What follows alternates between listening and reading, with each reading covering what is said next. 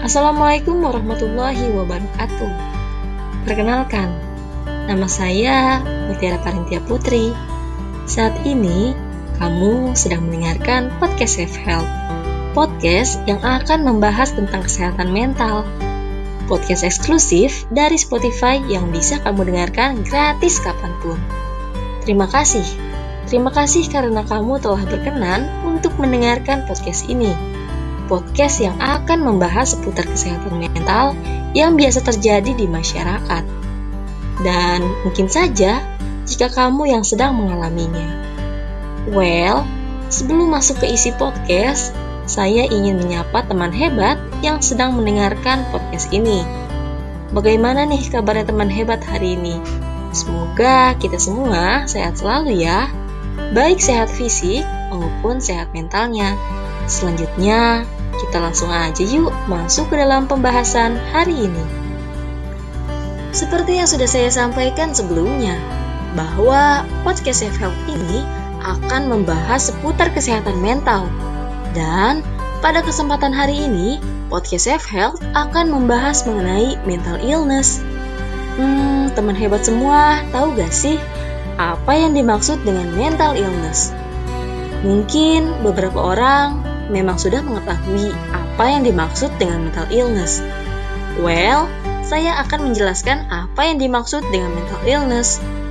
Mental illness atau yang biasa disebut dengan gangguan kejiwaan merupakan gangguan mental, perilaku, dan emosional yang dapat menyulitkan teman hebat untuk melakukan pekerjaan, bersosialisasi, dan melakukan aktivitas-aktivitas lainnya. Kondisi mental merupakan dasar emosi yang dapat mempengaruhi aktivitas sehari-hari, mulai dari cara berpikir, cara berkomunikasi, cara belajar, ketahanan psikologis, dan juga rasa percaya diri loh. Jika seseorang telah mengalami tekanan mental yang sangat menghambat aktivitasnya, maka kondisi tersebut tidak dapat dibiarkan karena dapat mengakibatkan seseorang tersebut termasuk pada kategori mental illness.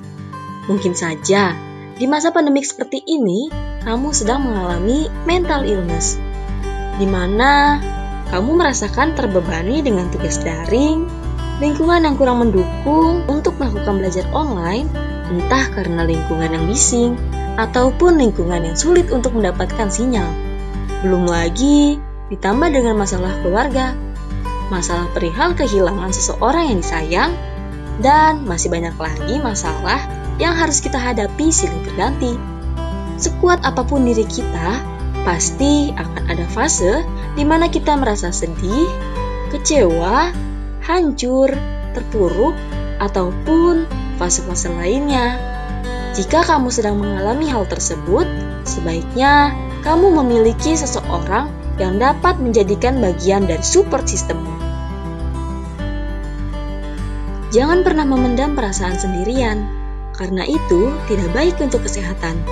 Jika kamu tidak ingin bercerita kepada siapa pun, kamu bisa curahkan melalui sebuah tulisan, entah berupa sebuah catatan ataupun sebuah quotes. Tapi tergantung juga sih, karena ada juga yang menghilangkan rasa kesedihannya dengan cara refreshing, main bersama teman, main game, ataupun mengkonsumsi makanan atau minuman favoritnya. Kamu bebas. Kamu bebas memilih bagaimana cara yang baik untuk menghilangkan rasa jenuh dari suatu permasalahan yang dihadapi. Teman hebat tahu gak sih bahwa ada berbagai macam gejala mental illness yang dapat menyerang fisik maupun kondisi psikologis yang dapat berpengaruh pada emosi dan pikiran. Contohnya, ketika kamu sering merasakan takut atau khawatir dengan sesuatu hal. Misalnya, kamu sedang terjangkit flu dan demam saat pandemik seperti ini, maka kamu akan merasakan khawatir jika gejala yang kamu alami merupakan suatu gejala dari virus corona. Karena jujur saja, ketika saya merasa lelah, flu dan demam, saya membaca artikel mengenai gejala dari virus corona.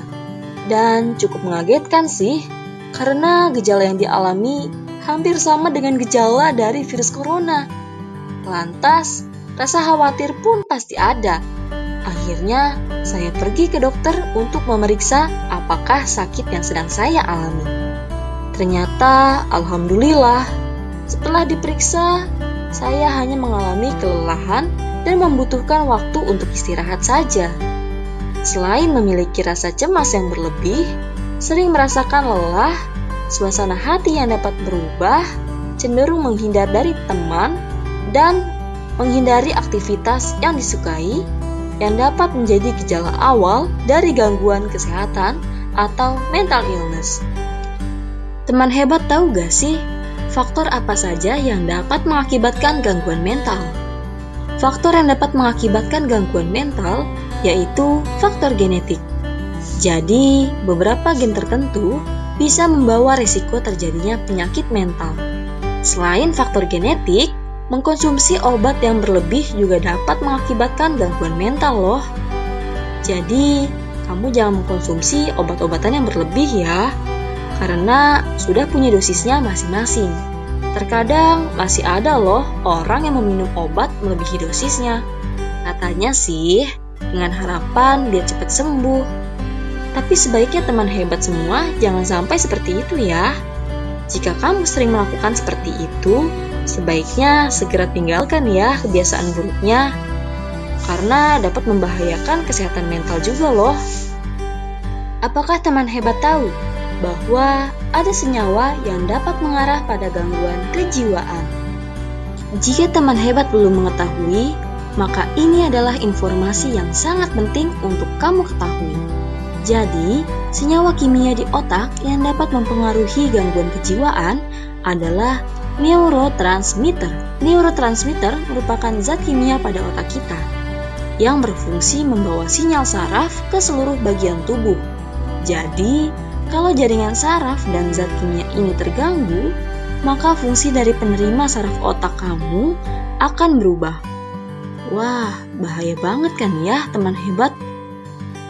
Kamu yang berdomisili di kota akan memiliki resiko sebesar 21% lebih tinggi terhadap gangguan kecemasan, serta 39% lebih tinggi mengalami mood disorder atau gangguan perubahan suasana hati.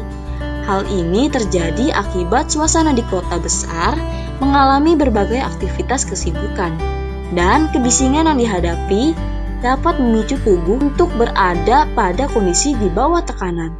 Akhirnya, tubuh akibatnya tubuh kamu bersiap untuk merespon dengan melawan atau menghindar. Atau istilah bahasa Inggrisnya itu fight or flight.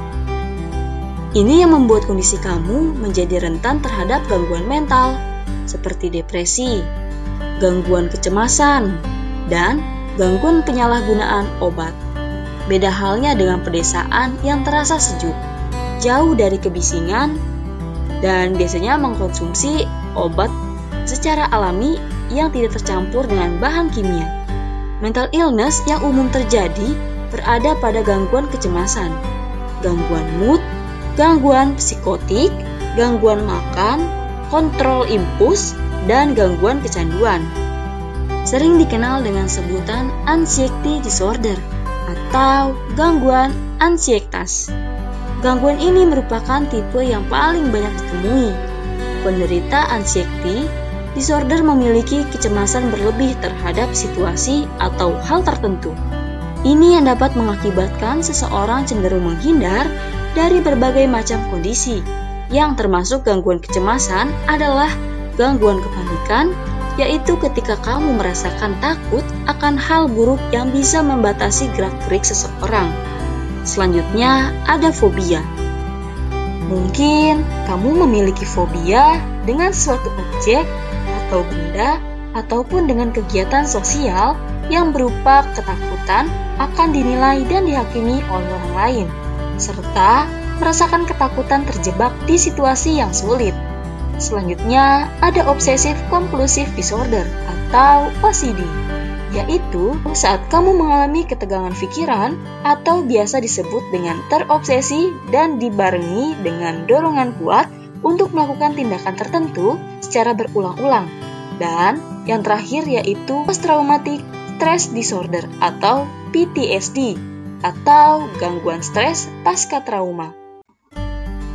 Ada beberapa metode untuk menangani mental illness, yaitu dengan cara ke psikoterapi dan pengobatan. Psikoterapi ini menggunakan metode pendekatan psikologis. Biasanya dilakukan oleh seorang psikolog dengan seorang pasiennya.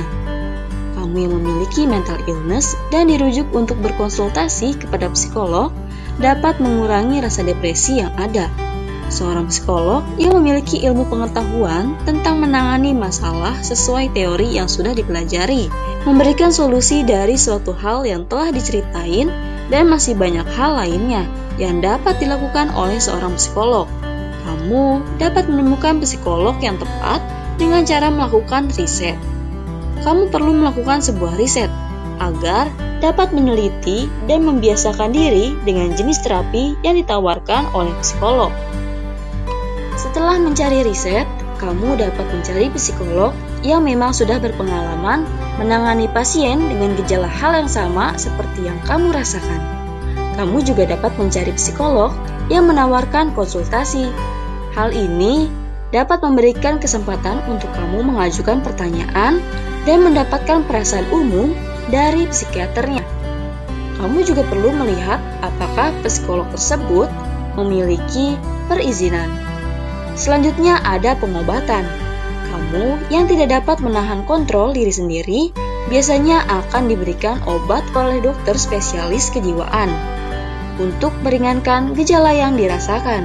Selanjutnya ada gangguan psikotik.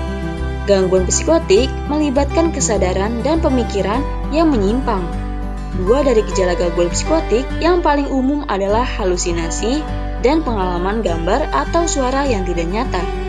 Skizofrenia adalah salah satu contoh gangguan psikotik. Gangguan makan melibatkan emosi, sikap, dan perilaku ekstrim yang melibatkan berat badan dan makanan. Anoreksia nervosa, bulimia nervosa, dan gangguan makan fasta adalah gangguan makan yang paling umum terjadi. Kontrol impuls dan gangguan kecanduan yaitu gangguan kontrol yang tidak dapat menahan dorongan untuk melakukan tindakan yang dapat membahayakan diri sendiri atau orang lain, seperti piromania atau menyalakan api, kleptomania atau mencuri, dan perjudian. Kompulsif adalah contoh dari gangguan kontrol impulsif. Sedangkan alkohol dan narkoba adalah objek kecanduan orang dengan gangguan kepribadian yang memiliki sifat kepribadian yang ekstrim dan tidak fleksibel yang membuat orang tersebut stres dan menyebabkan masalah dalam pekerjaan, pendidikan, ataupun hubungan sosial. Selain itu, pola berpikir dan perilaku seseorang secara signifikan berbeda dari harapan masyarakat dan sangat kaku, sehingga mengganggu fungsi normal orang tersebut. Contohnya, termasuk gangguan kepribadian antisosial, gangguan kepribadian obsesif kompulsif, dan gangguan kepribadian paranoid. Cukup sekian penjelasan yang dapat saya sampaikan pada episode Self Health hari ini. Kamu jangan pernah bosan untuk tetap mendengarkan podcast Self Health, karena mental sehat itu penting. Podcast eksklusif yang dapat kamu dengarkan kapan pun. Saya Mutiara Parentia Putri, pamit undur diri. Sampai jumpa di episode berikutnya yang gak kalah menarik. Jangan lupa untuk tetap memperhatikan kesehatan mental dan tetap memperhatikan protokol kesehatan. Wassalamualaikum warahmatullahi wabarakatuh.